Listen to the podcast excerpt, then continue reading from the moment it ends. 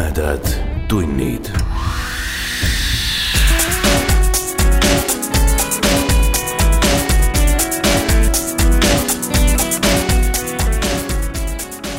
hea ulmesõber, tere tulemast kuulama taskuhäälingu Tumedad tunnid esimest osa. selles podcastis kuulete Eesti autorite ulme- ja õuduslugusid, mis valdavalt pärinevad netileheküljelt algernon.ee mina olen saatejuht, toimetaja, lugeja ja salvestaja ühes isikus, Priit Öövel. tänases osas kuulete kolme täiesti eriilmelist lugu. aga enne kui nende juurde asume, lubage mul esimese osa puhul teha väike sissejuhatus ja enesereklaam.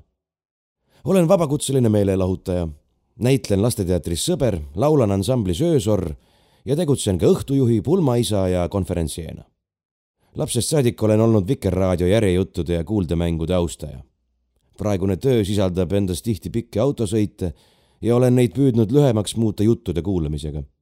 paraku võib aga ERR-i arhiivile nutiseadme kaudu ligipääsemine autoroolis osutuda sõna otseses mõttes konte murdvaks ülesandeks. nii pöörasingi oma kõrvad välismaiste podcastide poole ja minu lemmikuks sai Kanadast juhitav No Sleep podcast David Cummingsiga eesotsas.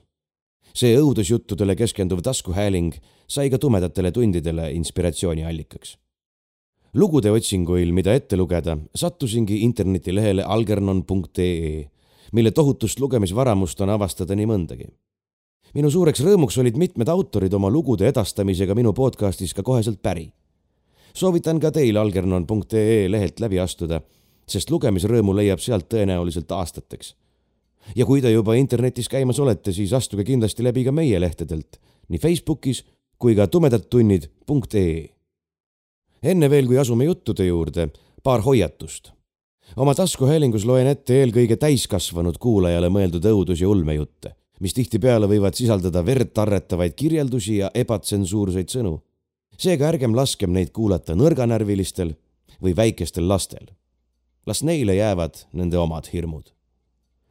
samuti on kõik lood ette loetud nende autorite loal ja helifailide ärilisel eesmärgil kasutamiseks tuleb enne nii neilt kui ka minult luba küsida ühine kuulamine, kopeerimine ja sõpradega jagamine on aga vägagi teretulnud. ja nüüd jõuamegi lugude juurde. alustame leebemalt. meie esimene lugu räägib sellest, mis võib juhtuda, kui naine oma abikaasa sõna ei kuula. rikkudes kõike, millest ma enne rääkisin, ei pärine see lugu algernon.ee lehelt ja ma ei ole autorilt selle kasutamiseks luba küsinud.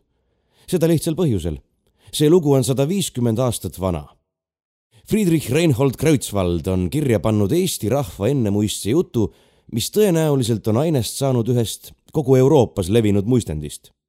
siin on tumedate tundide esimene lugu. Friedrich Reinhold Kreutzwaldi Naiste mõrtsukas. ükskord elas üks rikas suurtsugu mõisnik, kelle valitsuse all laialised vallad, mõisad ja otsata palju rahvast seisid ta pidas asupaika ühes üksikus kindlas mõisas, mis metsade ja rabade taga varjul oli kui karupesa. ümberringi müüridega ja kraavidega piiratud, nõnda et vaenlased hõlpsasti sinna sisse ei võinud tungida. rahva arvates olla suur härra üksiku koha endale sellepärast elupaigaks valinud, et põhjatu varandus inimestele silma ei paistaks ja riisumishimu ei hakkaks sünnitama. seal arvati suured kivikeldrid kulla ja hõbedaga täidetud olevat, mis ka peremees kui ta tahaks, terve kuningriigi endale päriseks võiks osta. ehk temale nüüd küll raha ja rikkust üleliiga osaks oli antud, siiski ei nähtud tal naistega õnne olevat. sest et ta abikaasad kõik lühikese aja pärast üksteise järel ära surid ja mehe leseks maha jätsid, kes aga iial pika leinamisega aega ei viitnud, vaid iga kord hobuse jalad uuele kosjateele juhatas nõnda räägitakse, et temal keskmise mehe eal juba üksteistkümmend naist hauasängis maganud, kui ta kaheteistkümnendat kosima oli läinud. nagu igaüks isegi teab, ei või rikkal mehel iial naiste puudust olla, sest kuldvõrguga võib tütarlapsi tosinate kaupa püüda. ometi tuli meie rikkale kosilasele kaheteistkümnenda naise võtmisel üks väike kõverus teele mis pärast tema kehva mehe viisil mitu ja mitu suitsu enne pidi läbi sõitma kui kositavale nooriku tanu pähe pandi. tema paljude naiste kiire suremine oli noored preilid ümberkaudu kõik kohkuma pannud, sest et see iial loomulikul kombel ei võinud sündida. et noored prisked naised kui kolletanud puulehed nii rutusti mulla alla langesid. siin arvati vististi mingi iseäralik saladus varjul seisvat, mis naiste suremist sigitab. Siiski ei olnud kellelgi võimalik selle poolest selgemat otsust saada kui nüüd rikas uhke kosilane mitu aega tühja teed oli sõitnud, võttis ta viimaks nõuks veel ühte mõisa õnne katsuma minna, kus kehvik mõisnik oma kolme priske tütrega elas. tütred olid kõik ilusad kui õunad. siiski läikis noorem õde jumeduse poolest teistest üle nõnda et temast kuningaproua oleks võinud saada, kui keegi teda sinna oleks tarvitanud uhke kosilane oli sedamaid oma silma noorema preili peale pannud. ja ehk küll preilikese süda esiotsa tema vastu külm näitas, siiski tegid rikkad kingitused nagu siidiriided, kuldkeed ja muud iluehted nii palju sooja, et isa ja mõlemad õed tütarlast mehele pakitasid, kes siis pikemalt ka enam vastu ei seisnud. isa lootis rikkast väimehest endale tuge tütred jälle kälimehelt kasu, kes juba nüüd neile oli omal kulul uhked pulmaülikonnad lubanud valmistada lasta. õed armastasid üksteist väga. sellepärast ei tõusnud vanematel õdedel mingit kadedust südamesse, et noorem nende eel pidi mehele minema. peigmees oli palunud, et äiataat pulmi ei valmistaks, sest tema ise tahtvat kõik pulmade kulu enese peale võtta. pruut pidi isa ja õdede seltsis sinna tulema nii pikalt oli kosimine hästi korda läinud ja peigmees juba koju tagasi sõitnud oma maja pulmade vastu valmistama. ka päev pulmapidudeks oli määratud. seal sündis ootamatult üks tükk, mis tegi meelehaigust vanahärrale ja südamevalu ja kurbust pruudile. Mõisas elas üks vaene laps, kelle kui kaheaastase poisikese pärast vanemate surma saksad kasvandikuks olid võtnud hiljem pandi ta hanede karjaseks, aga juba rohkem kui aasta teed oli ta toapoisi ametis. mõisarahvas kutsus teda siiski ikka veel hanede tõnuks. ta oli pool aastat noorem kui noorem Preili ja lapsepõlves Preiliga mänginud, mis läbi nende vahele sõprus siginenud. Nõnda et Preili ikka Tõnu vastu väga lahke oli olnud Tõnul ei olnud kõiges maailmas kedagi elavat looma, keda tema nii kõrge au sees oleks pidanud kui oma kallist Preilit. mis tema Preili silmist arvas nägevat, seda tegi ta sundimata ja oleks tulest ja veest kohkumata läbi käinud, kui Preili teda oleks käskinud. kui ta kuulis, et Preili ühele leskmehele pidi abikaasaks minema, ehmatas ta nii raskesti, et meelt tahtis ära heita mitmel päeval ei võtnud ta leivaraasukest oma suhu ega saanud öösel und oma silmile. ta rändas ümber otse kui surmakuju ja kõik arvasid teda raskesti haige olevat. peigmeest oli ta esimest korda oma silmaga näinud, kui peigmees õueväravast välja sõitis, aga see nägemine oli kui terav mõõk Tõnu südamest läbi käinud. minu kallis Preili läheb oma õnnetuse sisse, olid tema mõtted nüüd valvas ta ühtepuhku, et silmapilgu leiaks, kus ta Preiliga mõned sõnad võiks rääkida. kui Preili ühel päeval rohuaeda oli läinud, astus Tõnu alandlikult tema vastu. aulik, kallis Preili, kuulake minu palumist. ärge minge mitte abikaasaks ühele mõrtsukale, kes teid niisamuti saaks ära tapma kui neid üht-teistkümmend, kes enne teid temale olid läinud. Preili kohkus tema juttu kuuldes ja küsis siis, kust tema seda võis teada, et härra endised prouad mõrtsuka läbi surma on läinud. Tõnu vastas. minu süda ütles mulle seda, kui peigmeest esimest korda silma sain ja minu süda ei ole mind veel petnud. kui Preili kuuldud lugu oma õdedele ja isale oli rääkinud, paisus vanahärra süda tulises vihas nõnda põlema, et ta ähvardas Tõnu poolsurnuks lasta peksta ja siis koertega oma õue pealt välja ajada kes teab, ehk oleks ta oma ähvardamisega tõeks teinud, kui Preilit paludes vahele ei oleks astunud ja tema viha püüdnud lepitada. Preilid ütlesid, ega poiss kurja pärast ole rääkinud, vaid tema soovis head. paari päeva pärast laskis vanahärra Tõnu enese juurde kutsuda. haugatas teda tema rumala lorisemise pärast ja ütles viimaks. kui sa jälle niisugust tühja juttu preili kõrva ette tood, siis tahan mina sinu kui hullu koera püssiga maha lasta. tütardele troostiks rääkis vanahärra, et Tõnu haiguse läbi meelest nõrgaks oli läinud. siiski olid nooremal preilil kahtlased mõtted südamesse tõusnud, mispärast ta hea meelega peigmehest oleks lahkunud, kui lahkumine iial võimalik oleks olnud. aga isa ja õed seisid üheskoos selle vastu, üteldes ära põlga kergemeelselt oma õnne. Sa saad rikka mehe prouaks, elad seal iga päev kui taevas ja võid ka meid aidata. mida ligemale pulmapäev jõudis, seda raskemaks läks preili süda ka temal ei maitsenud enam toit ega tahtnud öösel unekate silmile tulla.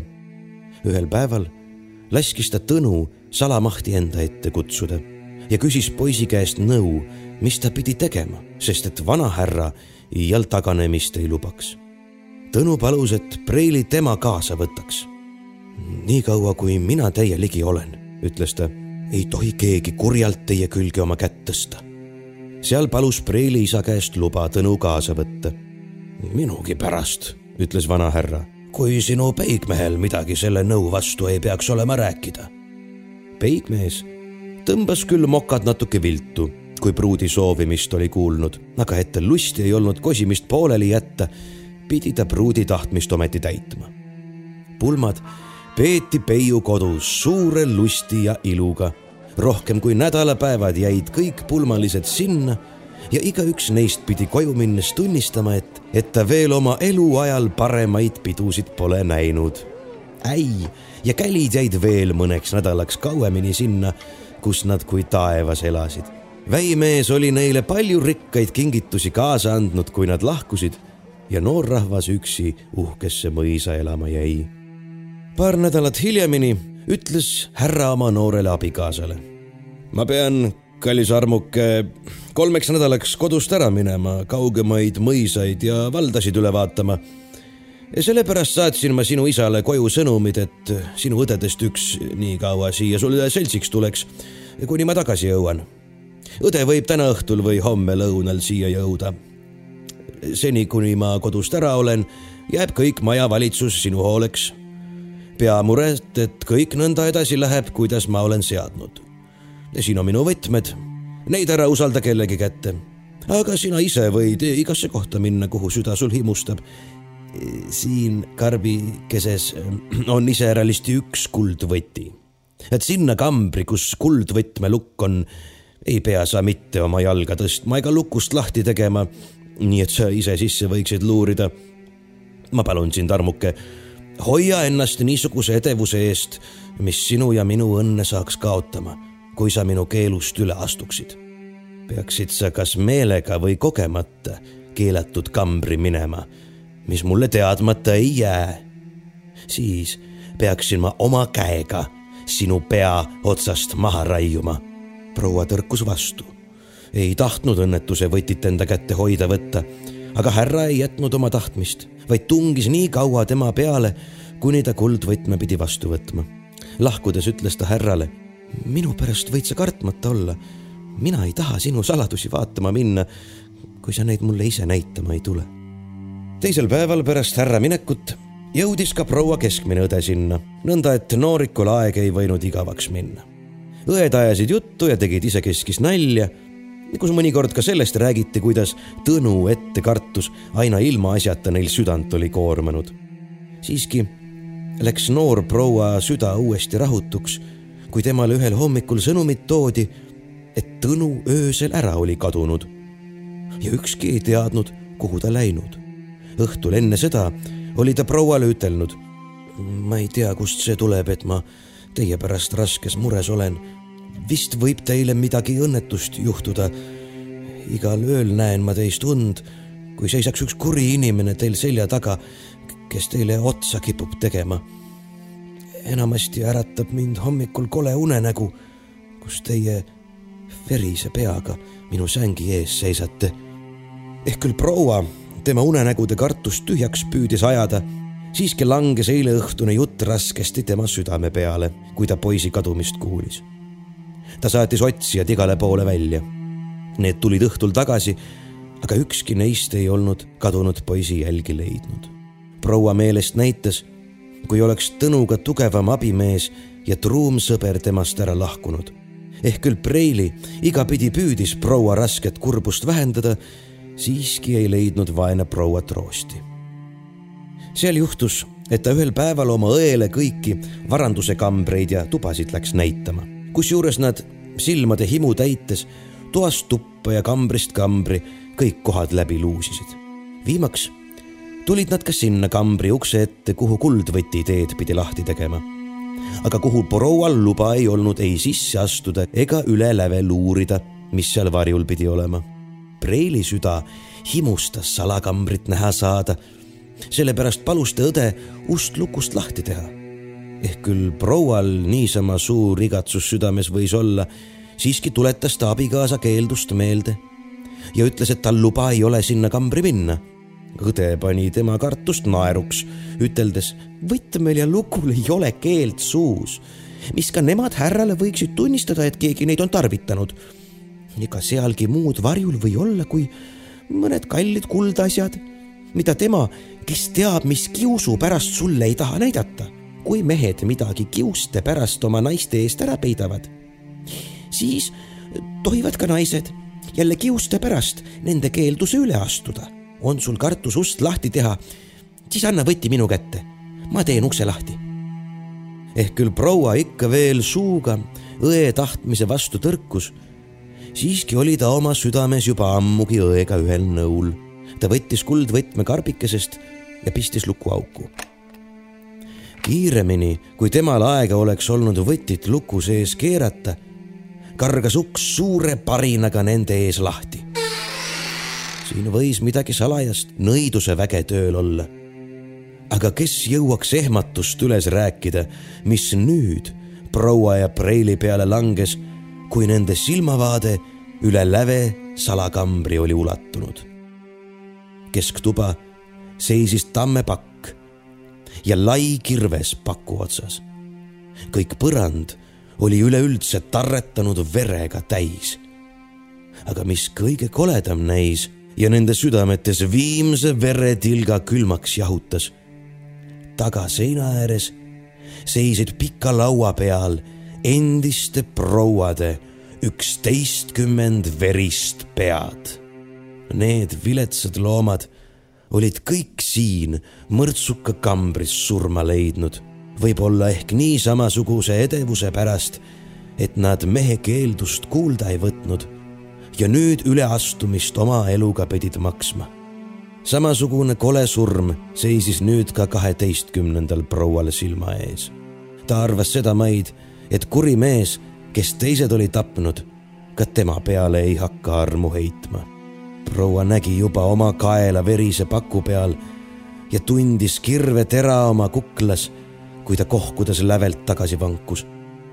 võtmest kinni hoides oli ta selle käest lasknud põrandale kukkuda. üles tõstes leidis ta vererooste tähed võtme küljest, mida pühkimised ja küürimised enam küljest ära ei võtnud. kui nad hiljem ust püüdsid kinni panna, leidsid nad, et see asi neil kogunisti võimatu oli. uks jäi kämbla laiuselt praokile, otse kui oleks üks nägemata kiil piitade ja ukse vahel seisnud. nüüd oli õdedel nutupilli ja kahetsemist enam kui küllalt. aga mis see enam võis aidata? Õnneks oli neil veel nädalapäevad aega, enne kui härra oli lubanud tagasi tulla. vaheajal tahtsid nad nõu leida, kuidas asja võiksid parandada.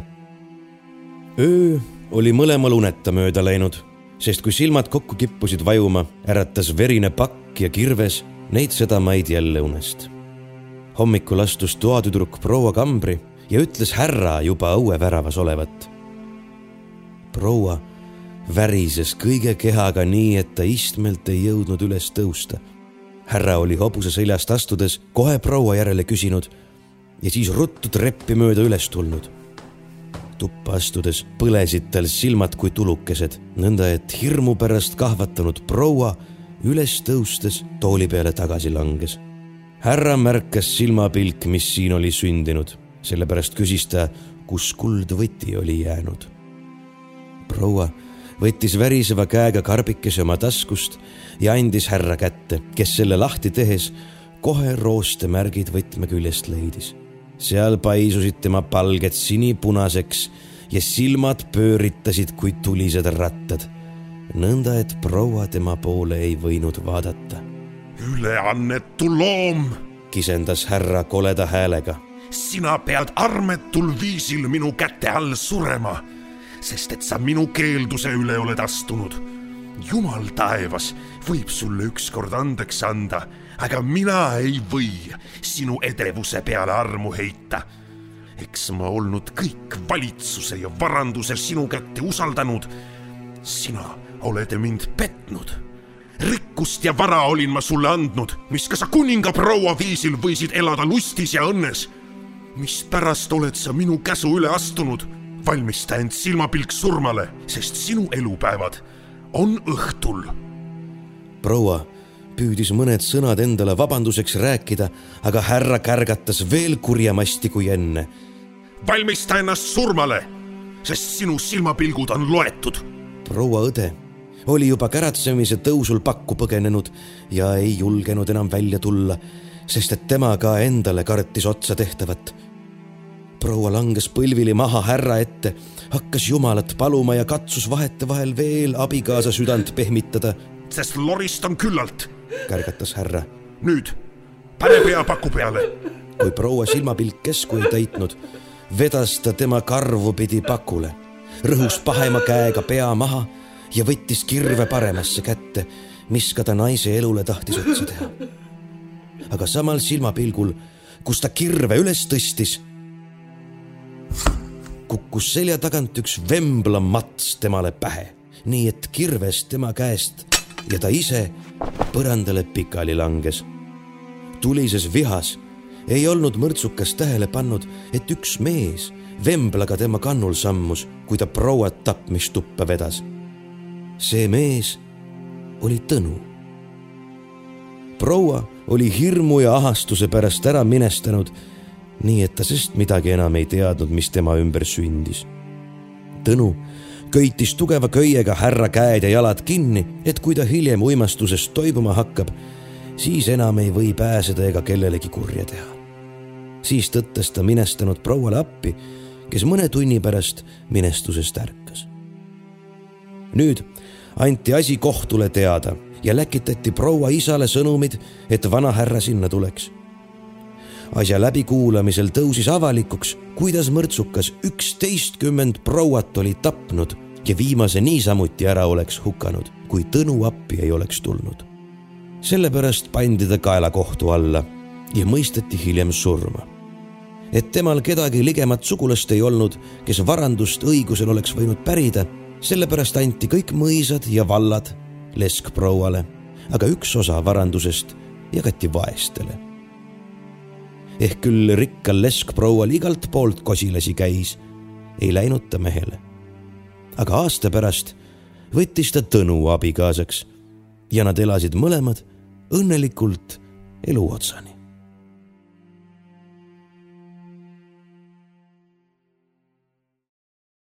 aga nüüd, kallid kuulajad, jõuame tänapäeva. Maniakkide tänava nimi on kõigile ulme- ja õudussõpradele kindlasti hästi tuntud. ta on avaldanud mitmeid jutukogusid ja romaane. Täpsemalt tema tegemiste kohta saate teada, kui järgite sisututvustuses olevat linki. järgmises loos lendab seintele soolikaid ja silmamune ühtlasi võite leida õpetussõnu, kuidas saada heaks fotograafiks. loo jutustamisel tuleb mulle appi minu kallis kaasa, kolleeg Lasteteatrist sõber ja vahel ka fotograaf Aiki Penno. koos loeme teile Maniakkide tänava õudusloo Coronson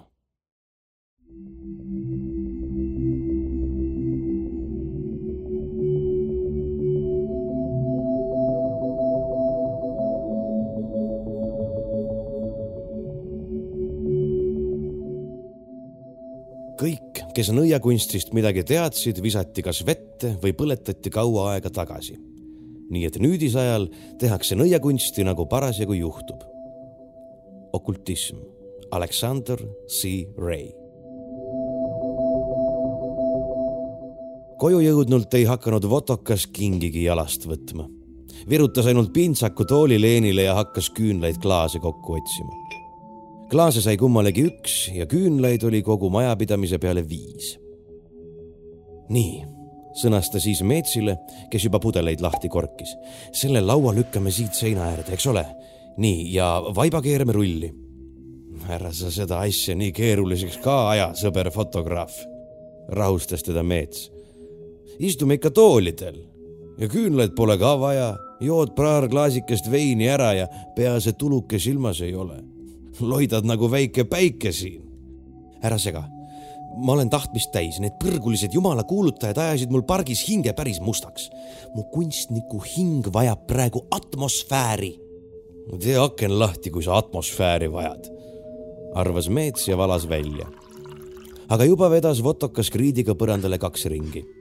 sisemisse joonistas veel viisnurga ja sokutas selle iga haru otsa küünla. ahhaa, hüüatas ta seejärel, lõi meetsiga kokku, jõi põhjani ning hakkas raamatu riiulis sobrama. mul pidi siin kuskil üks okultismi raamat olema, seletas ta ise. rõõmsa hüüatuse saatel tõmbas ta välja pisibluffi käsiraamatu. ma ei teadnudki, et sa maagia vastu huvi tunned, mainis Meets ei tunnegi. mind huvitavad tegelikult need pisibluffi raamatud. igast targast tellisepaksusest entsüklopeediast kõrgelt üle. Asendamatud abimehed igas vallas, nagu praegugi. ta lehitses natuke närviliselt lehti. roosiristlased, pomises ta, võlurid, krauli, kaoseteemon. siis leidis ta õige koha luges näpuga järge vedades ja toppis raamatu rahulolematult tagasi. mingi jamps seletas ta ise. see liiga keeruline. meie ajame lihtsama õhustikuga läbi. ta tassis ringi sisse toolid ja pudelid. Anna tikku, käsutas ta Meetsi. saanud küünlad põlema, sikutas Votokas paksud kardinad ette. pidulikult seisti hämaruses põlevate küünalde keskel. Prosit, ütles Meets, võeti põhjani ja valati klaasid uuesti täis. päris hea atmosfäär, eks ole mitte mingi labane trimpamine, arvas Votokas uhkelt. nojah, kehitas Meets õlgu. Kui sa veel sobiva muusikalise taustaga orgunnid, siis võib juba kergelt kuradeid nägema hakata. muusika, väga hea mõte. no kuidas ma ise selle peale ei tulnud? veidi aega sagis Votokas tikutule valgel toas ringi. ahaa, hüüdis ta makki mängima pannes masendav muusika täitis toa maast laeni kas näed juba kuradeid? päris votokas, kui nad olid istunud ja teisegi klaasi põhjani limpsanud. ei, mitte halligi ei näe. mis jutt see on või tema ei näe? võtame. võeti. noh, kaose teemon või mis asi sa oled? hakkas votokas kergelt praalima. tule välja, kui mees oled. ja kui oled naine, seda parem. tule istu mu põlvele Nad olid juba pargis paar õlut ära joonud ning ega Votokas palju kannatanud ka ning kui kristallselt aus olla, siis meeldis talle kainenagi huilata. Come on, võhadi podlõi truss, õitses ta praegugi oma lemmikväljenditega. Meets muigas ainult ja korkis uut pudelit lahti. küünlaleekide hubisemise tõttu tundus talle, nagu oleks mööbel vahepeal värisenud. siin on tõesti atmosfääri mõtles ta. hakka või kartma. kas sa tead, mispärast mul seda teemonit vaja on? küsis Votokas. atmosfääri jaoks, arvas Meets. ei, ma tahan talt üht teenet paluda. ja, ja, noogutas Votokas kurvameelseks minnes.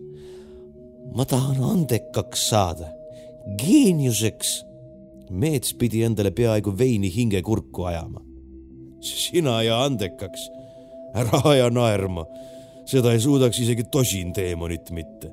ta puksatas nii, et vein loksus maha. Ja üldse, mispärast sul seda andekust vaja on? pani ta lõbusalt pead raputades käe sõbra õlale. vaata, mina olen ikka alati mõelnud, et need, kes koopiaid teevad, need on ikka andekad inimesed. kobakäpp seda ei suudaks midagi järgi teha, mõistad? ta ei oska aga vaat teisest küljest need kobakäpad teevad jälle palju originaalsemaid asju, eks ole. isegi kui nad matkivad, tuleb midagi muud välja. originaalsus, tead, vaat see on just andetute rida. ja mulle, mõistad, lähebki rohkem peale andetu originaal kui perfektne koopia. ta mulistas vaikselt oma joogi kallal, oodates teise arvamust. ent sõber ei vastanud. tundus, et ta oli tusameelsusesse vajunud. mina suudan sosistas keegi Votokale kõrva. Mida? küsis too, arvates, et Meets seda ütles. Meets, uskudes, et Votokas ei saanud tema jutu mõttest aru, hakkas oma teooriat nüüd juba pikemalt lahti seletama, kuid Votokas ei kuulanud ka nüüd, sest teinegi kõneleja vastas. sind andekaks muuta Votokas vahtis ammuli sui seletavat Meetsi ja taipas, et too seda ei öelnud. Votoka kõrvust oleks nagu soe tuulehoog möödunud. Kas või kohe? mis mõttes andekaks? mõtles Votokas. ta tajus nüüd väljaspool ringi nagu midagi võõrast. sinu fotod oleksid nagu elusad, neil oleks hingestatust, nad poleks mitte lihtsalt pildid, vaid aken elavasse maailma. nii on. hingestatus see oli see, mis Votoka piltidel alati puudus. Sinu aparaat tabab ära iga inimese, iga ehitise, iga looma ja eseme hinge ja talletab selle filmile. sa tallad maailma, kes sind ei tunnusta, põrmu. nii on. mis asi sa üldse oled? mingi jama või? ma olen Koranson see, keda sa kutsusid oma soove täitma. vahi, ja tahad kohe täita? Jah. täida siis. ma ei saa. miks? mul on vaja käsiraha. mida? imestas Votokas. ühte hinge. Votokas võpatas. ta tõstis veiniklaasi masinlikult suule atmosfäär on tõeliselt hea, kiitis ta ennast. ma juba kuulen kurateid, pea neid siis näha ei saa. ära istu nüüd nii mossis näoga, patsutas Meets talle õlale. ma tahan sulle lihtsalt head. sinust ei saa kunagi andekat fotograafi, sa lihtsalt oled selline. Öelgem ausalt välja, koba. no sinna ei saa midagi parata. aga on see halb? mitte sugugi. just originaalsust ongi vaja, mitte andekust. Neid andekaid koopiamehi on niigi küll ja küll kõik kohad täis, aga kobasid, kes julgeksid midagi teha, ei ole. Prosit! Votokas limpsas veinipõhjani. suutmata lobiseva meetsi tõttu taibata, kas ta kuulis hallukaid või mitte, üritas fotograaf seltsilisest hetkeks lahti saada kuule, pomises ta, mine õige ja too köögist sa kuskat. Mul peaks seal juustu olema. vot-vot, hakkab tulema, noogutas Meets. ma arvasin juba, et sa ei pakugi. samal hetkel, kui Meets ringist välja astus, puhkes toas keeristorm. mees paisati tuulde nagu kaltsunukk. kogu mööbel, kõik ruumis asuvad asjad sööstsid paigast möirgamine ja raksatused kurdistasid kõrvu. kokkupõrgetes pööraselt kihutavate kappide, laudade, klaasnõude kildude, nugade, kahvlite ja kõige muuga hakiti ning lömastati meets liharäbalateks. soolikad ja silmamunad pritsiti seintele. verepilved muutsid õhu punaseks uduks ja kustutasid viimaks küünlad. pimeduse saabumisel lõppes ka möll tuba täitis paks verehais tükk aega istus Votokas liikumatult. ent siis, kui peale tilkumise ja väljast kostva liiklusmüra enam absoluutselt midagi kuulda ei olnud, hakkas Votokas liigutama. Meets, piiksus ta hirmust peenikese häälega. ohver on vastu võetud. pildista ja kogu kuulsust. Votokas roomas aeglaselt ukse poole. esimene asi, mis talle ringist väljudes käe alla jäi, oli ei tea, kuidas sinna sattunud fotoaparaat. Kiunatades, nagu oleks aparaat teda kõrvetanud, rapsas Votokas selle paanikas kõrvale, virutades pildikasti kuhugi minema. nätsatades maandus see millessegi lägasesse. ka Votokas libastus ja vajus küünarnukkidele. puupilpad, klaasikillud, riideräbalad ning luukillud. kõike, mis pimedas ta käe alla jäi, kattis soe lige mass mees võpatas iga kord, kui käe lägasisse pani. Jõudnud ukse juures asuva põrandalambi lülitini, vajutas mees tule põlema. ilmaaegu.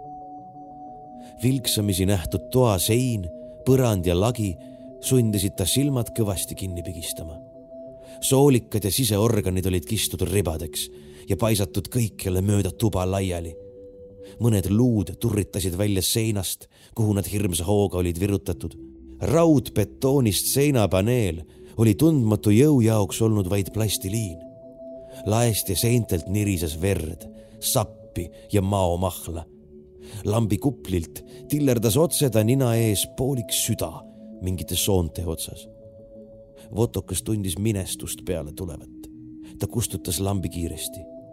käsi kaudu ukse avanud, lohistas fotograaf ennast koridori.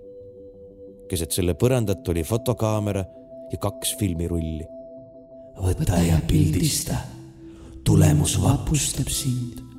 üllata maailma. värinad raputasid fotograafi, ta ei tahtnud seda kuulata. muidu oli ohver asjata. võta oma aparaat. Votokas lebas tardunult edasi vahetevahel ainult kergelt värinate käes rappudes. Kas sa ei saaks meetsi uuesti kokku panna, pinises ta viimaks nagu lõksu jäänud kärbes. ma olen kaose teemon. mine ja pildista. Votokas jõllitas liikumatult aparaati. hüva, saad oma meetsi esialgu ei juhtunud midagi. Siis aga hakkas Votoka kõrv eristama kõrvaltoast üksikuid hääli. krigin, plätsumine, millegi lohistamine, hootisid röginad. Votokas tundis, kuidas tal järsku põrandal külm hakkas. ta ajas end kramplikult aparaadist eemale hoides püsti. värinahood raputasid endiselt ta keha. teisest toast kostvad hääled lõppesid mulksumisega. saabus vaikus meets, hõikas Votokas pingest võbeleva häälega. vastust ei tulnud. ukse alt immitses mingit kollast löga. meets? Votoka teravdunud kuulmine tabas õhkõrna röhatuse. fotograaf astus sammukese uksele lähemale ja kuuletas. susin, nagu oleks millestki vaikselt õhku välja voolanud. panid sa ta ikka kokku või? Votokas peaaegu juba halises. jaa. kus ta siis on? uks tema ees liigahtas järsku. see kummus kergelt sissepoole ning naksudes andsid kruvid piidapesades järele. Votokas hakkas taganema. kerge metallikrigina saatel võeti ukse eest. see, mis nüüd ukse avas seisis, ei olnud kindlasti meets see oli midagi, mis võis olla toas olnud jäänuste kobrutav mass. Need kaks filmi on proovimiseks. ära kokku hoia. Votokas ei suutnud end liigutada. võta aparaat. mees ei liigutanud ikka veel. ise tead. mass liigahtas enne veel, kui see jõudis sentimeetritki läheneda, hüppas mees karjatades tagasi ja haaras ukse käepidemest ja kiskus hirmsa jõuga ust. see mitte ei jõnksatanudki. võta aparaat. Votokas lausa niideti õudusest põrandale. ta haaras aparaadi järele nagu näljane leivakannikat ja tormas siis koperdades korterist välja. tundes ennast kohutavalt haigena, tuias Votokas mööda linna kaamera tolknes paelapidi kaelas ning tuletas ennast vastu rinda koksides iga sammu juures meelde. mehe käed ja põlved olid ikka veel verelögased. vastikusest värisedes astus Votokas murule ja potsatas põlvili. hakates ennast vastu rohtu puhtaks nühkima. kõrvalt kostev prügikasti kaane kolksatus pani ta kohutatud varblasena püsti hüppama. lohiseval sammul eemaldus prügikoll, peaaegu tühi kilekott toika otsas selga visatud. Votokas vaatas teda kartlikult. siis puudutas ta arglikult fotoaparaati. kõheldes tõstis mees kaamera linna tutvustav rohelise mõttelaadiga piltpostkaart, pomises ta, teatava sotsiaalse kriitikaga. fookusesse klõps. Brükkar tundus objektiivis komistavat. kott kukkus kolinal maha ja mädanenud käest, mis seda kinni hoidis, libisesid välja luised sõrmed ja küünarluu. kogu liha tuli pruunikate kamakatena skeleti küljest lahti ning lärtsatas teele luu kerestunud mees astus veel paar sammu, ent vajus siis jõuetu kondihunnikuna kokku. taustaks oleva betoonmaja seintesse tekkisid praod ning puistates enda ette aknaklaaside kilde, vajus hoone ähvardavalt viltu. Votokas langetas aeglaselt aparaadi, vaatas ega uskunud oma silmi. kõik oli normaalne. mis see oli? mis värk oli juhtunud? hallutsinatsioon? eks ole, su fotod tulevad enneolematud, enneolematud. Votokas tardus. mida sa ootad? pildista või saadan Meetsi sulle appi. Kohutatult tõmbus Votokas küüru ja heitis pilgu üle õlamaja ukse poole. jube jäänuste mass oli trepikoja uksel. pildistan, pildistan piuksus fotograaf viginal ja tegi kiiresti paar suvalist pilti majast ja selle ümbrusest. maja sammaldus hetkega. akendel kõõluvad inimesed moondusid kisenduste saatel vastikuteks värdjateks, rohi kolletas ja põõsad ning puud tundusid elustuvat. Ainus, mis muutumatuks jäi, oli meets. hirmunud votokas pillas kaamera käest. rohi oli roheline ja inimesed akendel vahtisid igavlevalt ringi. igavlev ei paistnud ainult koletis ukse avas. pildistaja taandus ja pani jooksu. Votokas kõndis mööda linna ja pildistas suvaliselt kõike, mis ette juhtus. inimesi, maju, autosid, taevast, prügikaste. iga pilt pani mehe võpatama, näidates värdjastuvat maailma. ta ainus siht oli filmid võimalikult kiiresti täis saada, siis ei pea ta enam pildistama ja seda kõike nägema. Votokas seisatas ja vaatas tagasi. talle tundus, et kõik, mida ta oli pildistanud, paistis kuidagi hallim kui muu. turg, kus ta oli tükk aega klõpsutanud, näis olevat justkui suure pilve alla sattunud. Mõni üksik inimene, kes äsja juurde tulnud, paistis nagu erksam, teised tundusid tuimad ja hallid. Votokas sülitas ja läks edasi kõige olulisem oli praegu film täis pildistada. kuigi jah, jõuda lõpptulemuse ilmutamiseni ei tundunud just eriti meelitav. aga teisest küljest jälle ta tahtis ja ka ei tahtnud näha, millised need fotod siis välja tulevad. On ta siis nüüd praegu, kui ta neid pilte teeb, nii põrgulikult andekas? saanud teisegi filmi täis, jäi Votokas seisma ta ei osanud enam midagi ette võtta. vahtis arglikult ringi ja keris siis filmi tagasi. vii oma kunst lõpule. Votokas neelatas. alistunult pöördus fotograaf tagasi oma ateljee poole. seisates siis. Meets?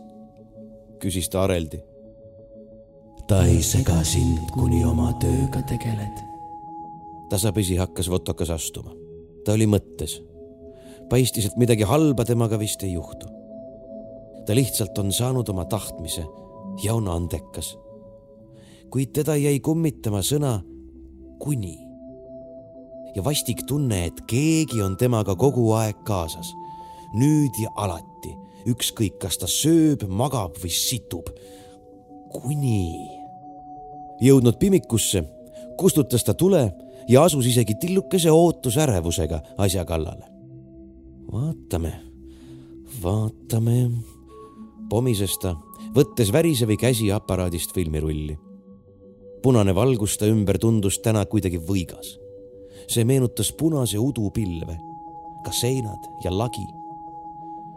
Vaatame, vaatame, pomises ta sellest mitte mõelda püüdes ja filmi kallal vaeva nähes. õhus oli tunda kannatamatust, keegi oli ootevalmis. fotopaberile ilmus pilt. votokas kangestus kõik oli palju jubedam, kui objektiivis paistis. turuplatsi ümbritsevad majad olid mädanenud, kokku kukkunud või põlemas. Platsil aga kees tõeline põrgu, veri, agoonia ja piinad. piinad, mis väljendasid sedavõrd koletut valu, et votokas hoiatas kramplikult ja pillas pintsetid maha. pimiku punane valgus võimendas seda kõike mitmekordseks suurepärane. jälkust alla surudes sundis Votokas ennast ilmutama järgmise kaadri ja järgmise ja järgmise. Kõikjal valitses kaos. õhk ta ümber tundus pinevusest tihenevat, lausa praksuvat. iga kaader oli hullem kui eelmine. Nende fotode järgi võinuks arvata, et kogu Jõgeva linn on hukkumas kohutavas hävingus. unelm see on haige, pomises Votokas. Need on haiged pildid. Nendega võin ma saavutada tunnustuse ainult maniakkide või satanistide seas. ent seest on kogu linn su ande ees põrmus. järsku tundis mees lausa füüsiliselt teemoni kohalolu. miski limane ja jahe embas teda algul õlgadest, seejärel puusadest. vastikustundest röögatades kargas votokas eemale. Mingi anum kemikaalidega lõi kõikuma ja prantsatas põrandale. kananahka minnes tundis mees olevust ikka veel enda ligi. votokas lõi jalaga ukse lahti ja tormas välja tänavale. tänavale, kus valitses kaos. maniakkide tänavale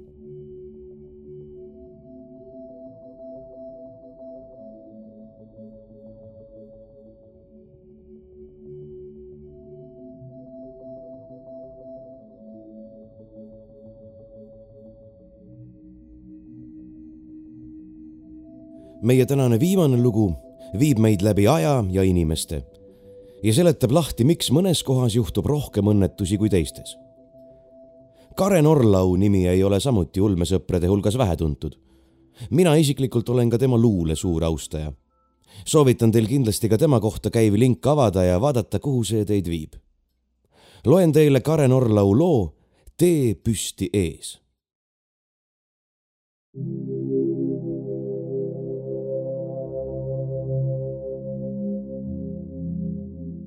on selliseid kohti, kus sageli õnnetusi juhtub. kuigi pealtnäha pole paigas iseenesest mitte midagi ohtlikku. on ju küll teekäänakuid, mille kurikuulsuse põhjuseks on lihtsalt mõni vaadet varjav võsatukk. on talukohti, mille hooned põlevad sagedamini kui mujal, kuid sellegi põhjus võib olla üsna argine ja inimestes kinni.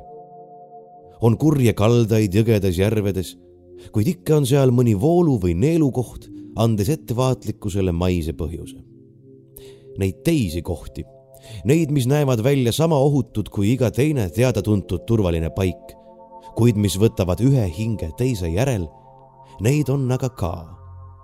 alati kusagil ootamas, peidus süütu väljanägemise taga, näitavad nad oma õiget nägu ainult neile, kelle on välja valinud vana maantee veerel seisis vana talupaiga varemetest ainsana püsti jäänud sein. hoone oli ammu lagunenud katus sisse langenud ja kõdunenud. palkidest oli järel ainult mälestus, kuid maakivist laotud lõunapoolne sein püsis püsti. müüriserval kasvasid nõgesed, kunagist õuekohta ümbritses tasane heinamaa. maantee ja seina vahel oli kõvasti maad. ei saanud öelda, et tegu oleks otse teeservas seisva varemega. ohtlikku kurvi polnud seal ka. ometi näis, nagu mõjuks see lagunenud nõgestesse kasvanud sein nagu magnet. mingil põhjusel sõitsid autod teelt välja ja põrutasid otse kividesse. kiirusega, mille puhul sõitja ilmselt ei hoolinud, mis ta autost saab, sest see auklikku võitu teelõik polnud tõesti ülemääraseks kihutamiseks loodud. õnnetused ei juhtunud liiga sageli, kord kolme-nelja aasta kohta, kuid see-eest halastamatu järjekindlusega. Piisavalt harva, et otsustajatel polnud põhjust seinaga tegeleda ning piisavalt sageli, et sealkandis elavad inimesed märkaksid, et jälle. Nemad teadsid niigi, kuid selliste asjade puhul oli parem vait olla ja eemale hoida. ühel sügisööl, mil ümberkaudseid põldusid kattis külm udu, libises üle kivivalli ühe järjekordse möödasõitva auto tuledevihk. Udu mängis autolaternate valgusega, peitis ja peegeldas seda, kuni ootamatult laiali valgus ja vana kivisein nähtavale ilmus. udu keerdus koheva vooluna ümber vana müüri, mis mingi valguspeegelduse mõjul tundus olevat liiga lähedal autoroolis istuv mees võpatas. järgmisel hetkel oli ta seinast juba möödunud ning selja taha vaadates ei märganud ta udus enam midagi erilist. ta väänutas kaela, nagu oleks krae pigistanud, et hinge puudutanud ebamugavustundest pääseda. see lasigi temast aegamisi lahti ning teekond läbi hilissügiseste põldude oli jälle endine, üksildane, pime, vaikne ja rahulik siiski jäi ootamatult esile kerkinud seinakujutis mehele miskipärast mällu. liitudes kõigi nende alateadlike, näiliselt unustatud painajatega, mis varitsesid hetke, et ootamatult pinnale tulla, pannes ebameeldivustundest võpatama ja pead raputades end reaalsusesse tagasi rebima.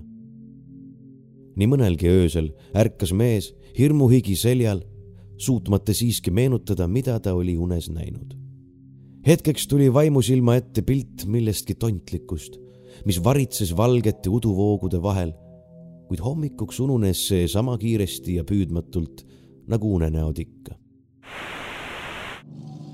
mootorratas kurtis valjuhäälselt viletsa tee üle, kuid juht andis gaasi.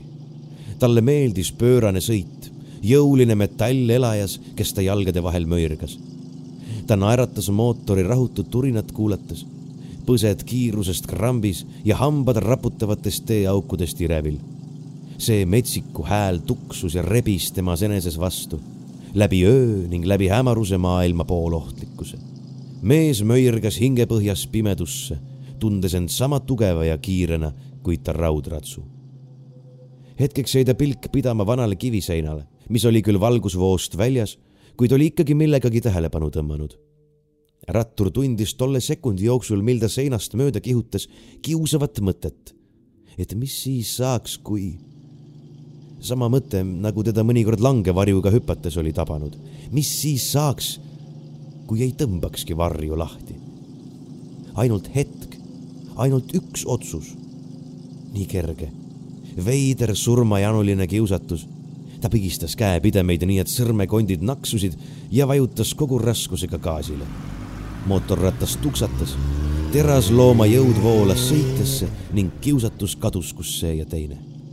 miks minus üldse midagi sellist on? mõtles mees vihaselt ja andis gaasi. veel ainult natuke ja ta oligi sellest seinast möödas. perutav raud hobune jalgade vahel mõjus piisavalt jõuliselt, et end häirivast mälestusest lahti rebida. ta oli mees, kes ei näinud unenägusid ega juurelnud kunagi millegi üle, mis oli kord juba selja taha maha jäänud. ta oli seinast möödas ja oli sellest vaba. öine teeline oli väga väsinud. Nad olid naisega tülitsenud, seekord hullemini kui tavaliselt. ta oli tööd otsinud, kuid jälle jäeti ta tühjade kätega. ta polnud päriselt see, koht oli juba kellelegi lubatud võltsviisakad ettekäänded, ebamugavad olukorrad ja mis kõige hullem, teesklevad, peitu pugevad pilgud. ta oli harjunud inimestele silma vaatama, aga nüüd ei meeldinud talle enam see, mida ta nägi. ja liiga sageli avastas ta ennast maha vahtimas. Jah, ta vaatas parema meelega oma käsi või kasvõi jalgu selle asemel, et peitu pugenud pilkusid püüda. iga kord oli see aina raskem. tegelikult võttiski ta ennast ainult naise pärast kokku kuid ta ei osanud seda naisele öelda ja naine ei saanud aru. automootor urises, kõlades sama kulunult, nagu juht ennast tundis. ainsast raadiojaamast, mille ta selles kolkas välja suutis peilida, kostis öötundide odavat kommertsi, seda kõige halvemat. siiski parem kui mitte midagi. või oli see ikka nii? siis nägi mees seina, mis seisis selgelt otse autotulede vihus, nagu oleks ta pimedusest mehele hoogsalt vastu astunud. tee püsti ees. ta ei märganudki, et tee viis ju tegelikult seinast mööda. ainult mõned sekundid, üksainus otsus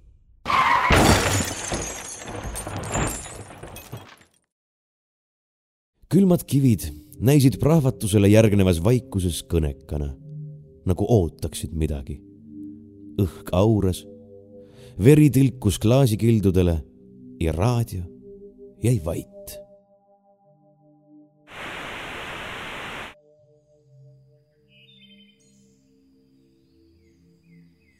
Noor mees mõõtis pilguga uut uhket laudahoonet, mille raske maakividest lõunasein kenasti päikesesooja kogus. mees vajutas hanguharad maasse, toetas käed tagumikule ja naeratas mõnusalt. heaks kiitvast pilgust oleks võinud arvata, nagu oleks tegu tema enese talulaudaga ning nagu kuulunuks need kenad põllud ja heinamaad samuti talle.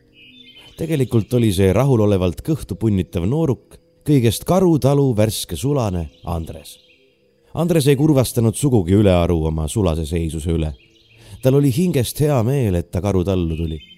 töö täitis päeva õhtuni nagu koduski ning teha tuli ikka seda, mida peremees ütles. kodus ootas peremehest vanem vend talt aga kõvasti rohkem kui ainult käsu täitmist. rahva suul oli üsna õigus, et oma peretalu sulase leib on ikka see kõige kibedam. üks, mida Andres hästi vennale tunnistada ei tahtnud oli see, et tal lihtsalt polnudki looma- ja põllupidamise peale suuremat soont. jaht oli teine asi. tal oli kätt nii linnupaeltele kui loomapüügile. olgu suvi või talv, võis ta metsast ikka mõne metskana või jänesega koju tulla. kõik oleks ju korras olnud, kuid mets oli teadagi mõisa oma ja vanemal vennal oli mõisapoiste ees liiga suur hirm Andres teadis küll, et mõisahärra viitsis jahti pidada kord paar aastas, siis kui talle naabrisaksad külla tulid ja nad suurema salgaga rebasejahti korraldasid. pidi üsna loll mees olema, et sel ajal mõisnikule jalgu jääda. ning mõisa metsavaht oli vana. ta tundis tõesti hästi metsa, kuid püsis kange selja ja haigete jalgadega ilusti kodus. Andres hulkus metsas, nagu oleks ise mõisnik ja keegi ei tulnud tema jälgi ajama aga vanem vend oli jahipidamise täiesti ära keelanud. raiutakse sul sõrmi maha, nagu mõisnik salaküttidega teha lubas. oled talule vigane kaelas ja trahvirahasid ei jaksaks me eluilmaski maksta. oma kätega viskas vanem vend ta jänese ja linnupaelad tulle. Andresel olid trotsi pärast järgmine päev valmis uued ja paremad. aga nendega oli ta ettevaatlik ja hakkas sulase kohta otsima, kuigi see oli vennale veel eriti vastumeelt kes ikka töölooma kodust tahab ära lasta. aga see tegu oli ikka õige, sest karul oli tal üsna hea rahulik põli. peremees Andrese jahihuvi ei teadnud ja kui poiss öösel kadunud oli ning seda märgatigi, eks siis arvati, et läks mõne tüdruku juurde. vale puha. Andres oli metsaradadel ja sättis paelu üles või küpsetas mõnes peiduurkas kivide vahel eelmist jahisaaki lehtedesse keeratud söel küpsenud linnuliha oli vast paremgi kui need road, mida mõisas söödi ning Karutalu noor sulane võis enesele sellist luksust iga päev lubada. ühel hilisõhtul, kui Andres oli lõksud üles seadnud ning asutas end kodu poole minema, märkas ta selles suunas, kust tulnud oli, midagi heledat hämaruses välgatamas. ta peitis end põõsaste varju ja jäi ootele oks praksatas kellegi ettevaatamatu jala all. Andres tegi end põõsastes madalaks-madalaks ja tundis korraga rinnus ootamatut südame kloppimist. sammud lähenesid ning nüüd nägi ta juba selgesti. rada mööda, üsna täpselt tema jälgi mööda tuli Madis, noor mõisapoiss, kes mõned korrad rebase jahil abis käis. algul koerapoisi, siis hobusepoisina nüüd oli veidi sohisaksiku verd poiss juba nii kõvaks meheks saanud, et paistis teisel püss üle õla ja ise uuris ta ninapidi otse Andrese jänese paelu. jalga tuleb lasta, mõtles salakütt põõsas. ega tema siis tea, kelle paelad need on. Need võivad ükskõik kelle omad olla. siis lõikas ta pääsu otsiva mõttesagina läbi selge teadmine, mis edasi saab. koerad tulevad. Selge oli see, et hiljemalt homme on Madis samas paigas ja võtab koertega jälgi. parem käsi, see, mis vana mõisniku ähvarduse järgi pidi pakule minema, hakkas tuikama, nagu tunneks juba kirvetera. enne, kui Andres seda mõtet jõudis lõpuni mõelda, seisis ta teab kust leitud kivimügarik pihku surutud teerajal ning silmitses mõningase hämmastusega Madise lõtva keha jalgade ees et see nüüd nii kergesti oli käinud. kivilt ta käes tilkus lamaja seljale midagi venivat ja suve hämaras üsna musta. korraga muutus ta täiesti rahulikuks. lõppkokkuvõttes on inimene ju samasugune jumala loom nagu jänes või rebanegi. noh, ja kui see just täpselt nii juhtus, siis võib-olla oligi see kõige parem. ta kummardus ja uuris lamajat, kuni oli päris kindel, et too enam ei hinganud. siis põimis ta jänesepaelad ettevaatlikult lahti ja toppis põue. hiivas siis Madise selga, kuulatas, ega kusagilt ei kosta saksa poisi võimalikke kaaslasi ning seadis sammud soo poole. tee oli pikk, aga tal polnud enam kiiret. Koit oli veel kaugel järgmisel päeval märkas Karutalu peremees, et sulane oli laudamüüri ladudes üsnagi unine. kuid eks need noorte meeste öised asjad olnud teada.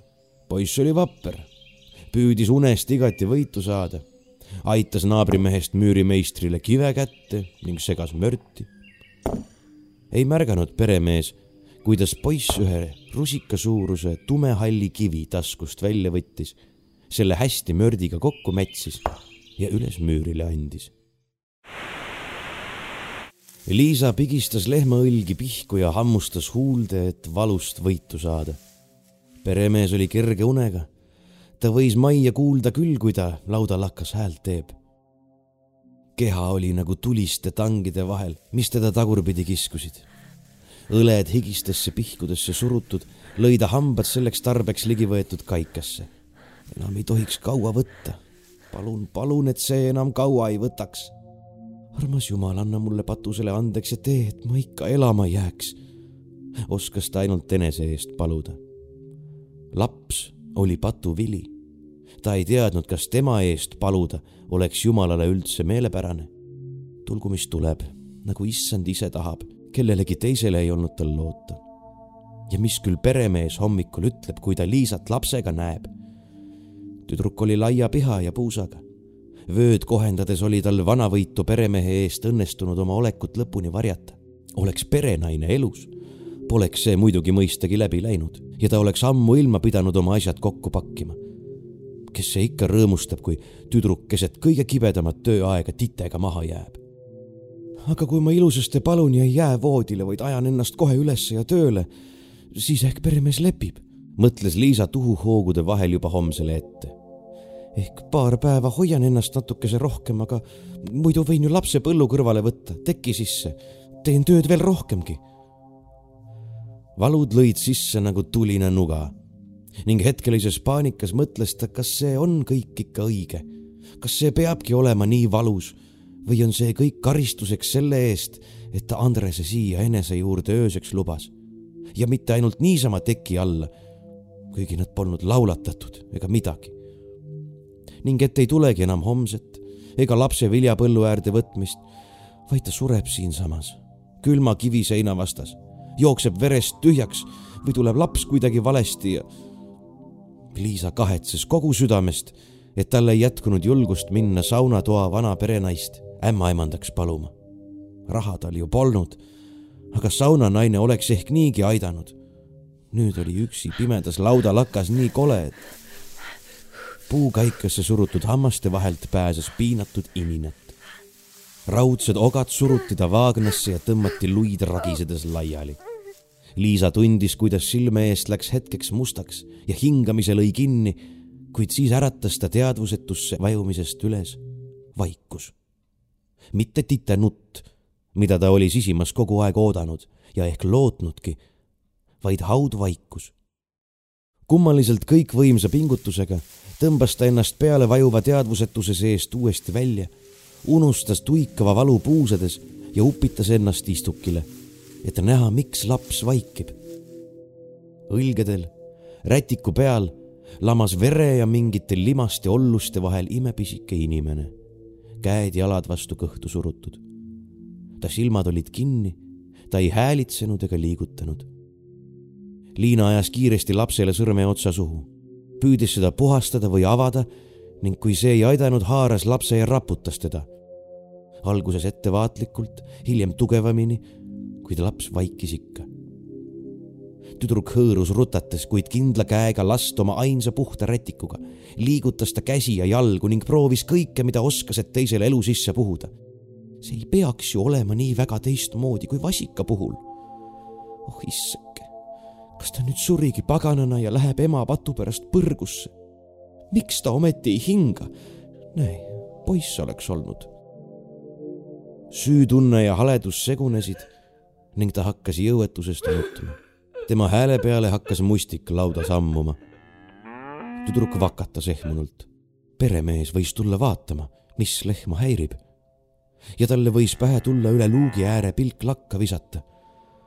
Olgu, mis on, aga peremees ei tohtinud teada saada. Liisa pähe jõudis alles nüüd, et ta oli üleni verine ning ta käte vahel oli surnud laps. nutt jäi hoobilt kinni. kui peremees ta sellisena leiab siis nii. kõik usuksid, et ta lämmatas maimukese ise, et lapsega tüdruku saatusest pääseda.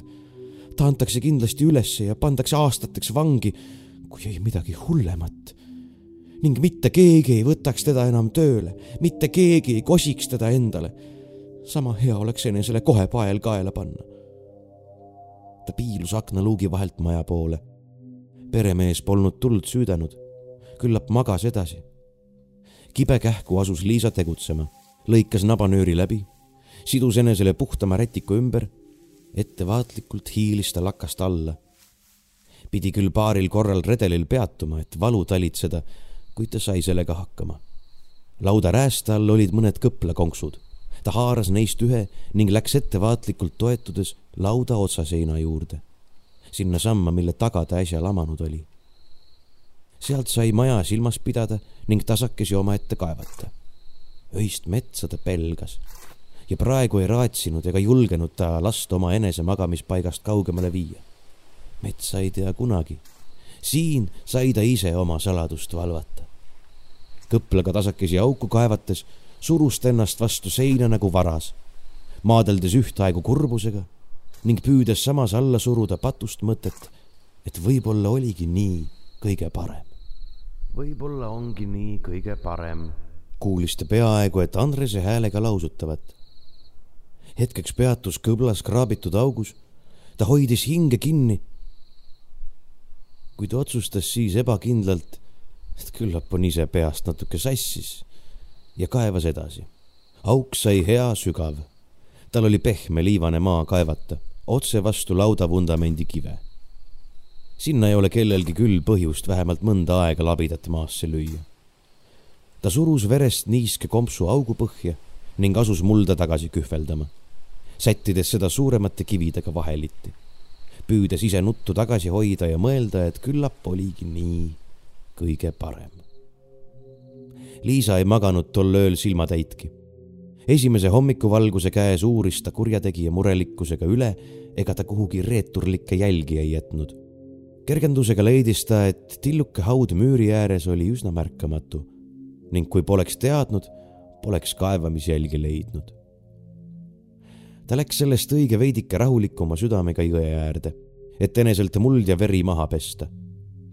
Tagasi tulles ei osanud ta ennast küll nii puhtana tunda, kui oli lootnud, kuid ta uskus, et ehk on Jumal armuline ja see määritud olemise tunne läheb ajapikku üle.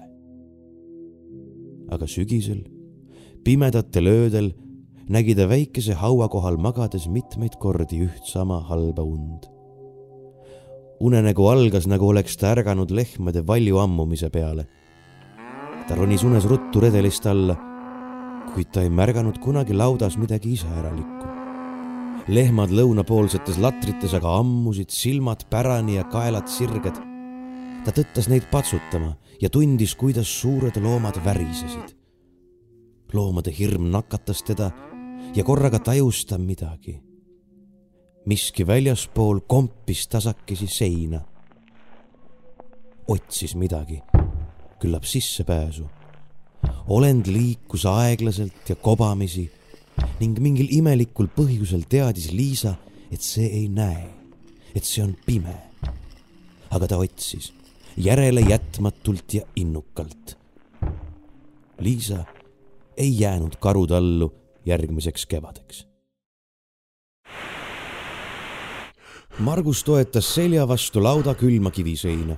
silmadel asuv side muutis ümbritsevad helid palju selgemaks. Ta kuulis kõrval seisva noore Tammeoja Antsu raskeid hingetõmbeid. oli selge, et poiss kartis. Margus oleks tahtnud teda kuidagi julgustada, kuid ei osanud. mida seal ikka öelda, asi oli niigi üsna ühel pool. naabripoiss Rainer, ise Antsust veel aastakese noorem paistis aga olevat palju rahulikum. tema hingetõmbed olid vaiksed ja ühtlased. Margus kadestas ta enesevalitsust, kuigi muidugi, kes seda teadis, mis mõtted Raineri peas liikusid. Margus kikitas kõrvu elumaja poole. sealt kostis ikka veel hõikeid. kas isa jõudis enne haarangut pakku põgeneda või redutab ta kusagil majas? kui nii, siis oli temagi saatus üsna kindel. vana omakaitsemees poeg tabatud püssiga metsast. Nad ei jäta majast kivi kivi peale võib-olla leitakse siis ka keldrist salajane peidupaik. Hõigete järgi polnud maja läbiotsimine veel lõppenud, kui ta kuulis raskeid kirsasaapa samme lähenemas. tulija vahetas valvuriga mõned venekeelsed sõnad ning Margus kuulis püssilukkude lõginat. läbiotsijate hõiked kadusid korraga pehmesse sudusse jäid ainult kõrvalseisvate võitluskaaslaste hingetõmbed ja kare riie silmadel. noh, poisid, jõudis ta veel öelda, kui kõlas esimene lask. Margus kuulis, kuidas Raineri suust kostus. ja siis mütsatas naabripoiss vastu kiviseina. nüüd mina, nüüd mina, vasardas peas. oh neetud kui ma ainult näeks teda laskmas. ja siis, see polegi valus. langes mingi ükskõikne imestus üle tema, kui ta vastu seina vajus. tuim löök, sugugi mitte terav, aga selline, mis kippus hinge kinni võtma, nagu raudrusikas oleks rindu tabanud. kivi oli hea külm ja ta sulas sellesse mööda seina alla libisedes.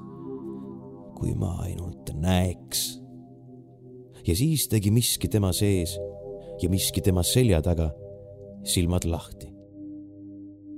ta nägi laskjat, mitte palju vanemat poissi kui ta ise, kui see parasjagu Antsu sihtis, kuid siis keeras ta pilgu mujale. miski temas keeras pilgu mujale, otse seina sisse ja leidis selle, mida oli kaua otsinud. rusikasuurune kivi, sügav hall, kummaliselt kumav kivi ta sirutas käe selle poole ning ta sõrmed olid väikesed, kahvatud ja kidurad nagu pimedas kasvanud taimed. Maili itsitas omaette. see, kuidas auklik kruusatee autot üles-alla põrutas, oli ju ometi naljakas. natuke. ta pingutas, et pilku teel hoida, sest see kippus kummalisi asju tegema. vajus laiemaks ja tõmbas siis jälle kitsamaks kokku tüdruk märkas ennast tahavaatepeeglist ja ka see oli pisut naljakas. just nagu istuks iseenese tagaistmel. jah, muidugi, ta oli laksu all. Iga normaalne inimene oleks, kui ta peaks nii pika sõidu üksi ette võtma. nii on vähemalt võimatu, et igav hakkaks ja peaaegu sama võimatu on, et politsei aru saab, et sa päris selge pole. kuigi sellisesse kolkasse ei tule vist isegi politsei jaa, muidugi tundis ta ennast pisut liiga kõikvõimsana, aga see oli ainult natuke. ja ta suutis ennast vajadusel kokku võtta, kui ta ennast selleks kokku võttis. Natuke kokku võttis, eks ole.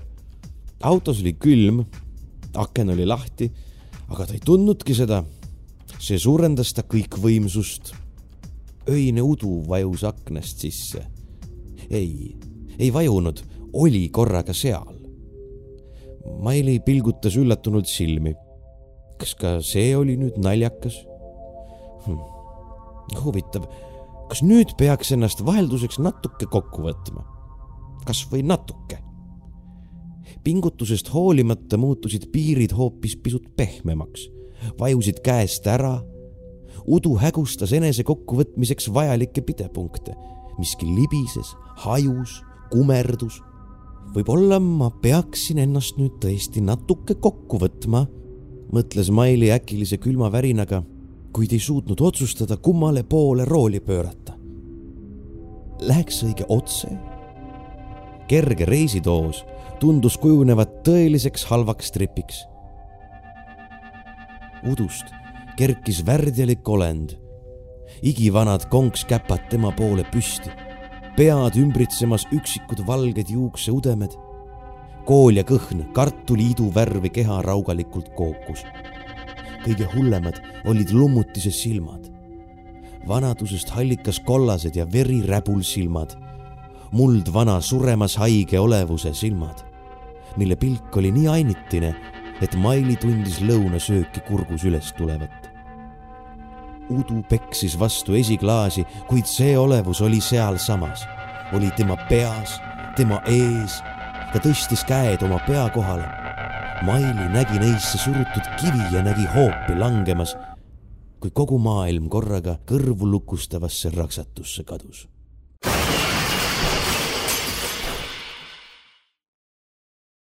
Udu hajus aegamisi ning väike punane vastu rasket maakivimüüri kokku muserdatud auto ilmus nähtavale.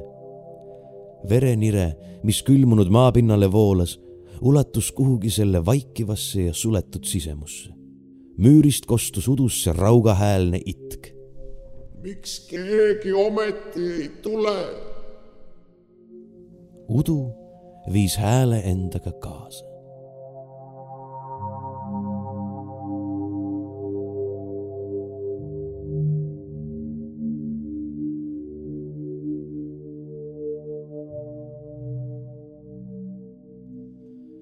Ja ongi tänaseks kõik.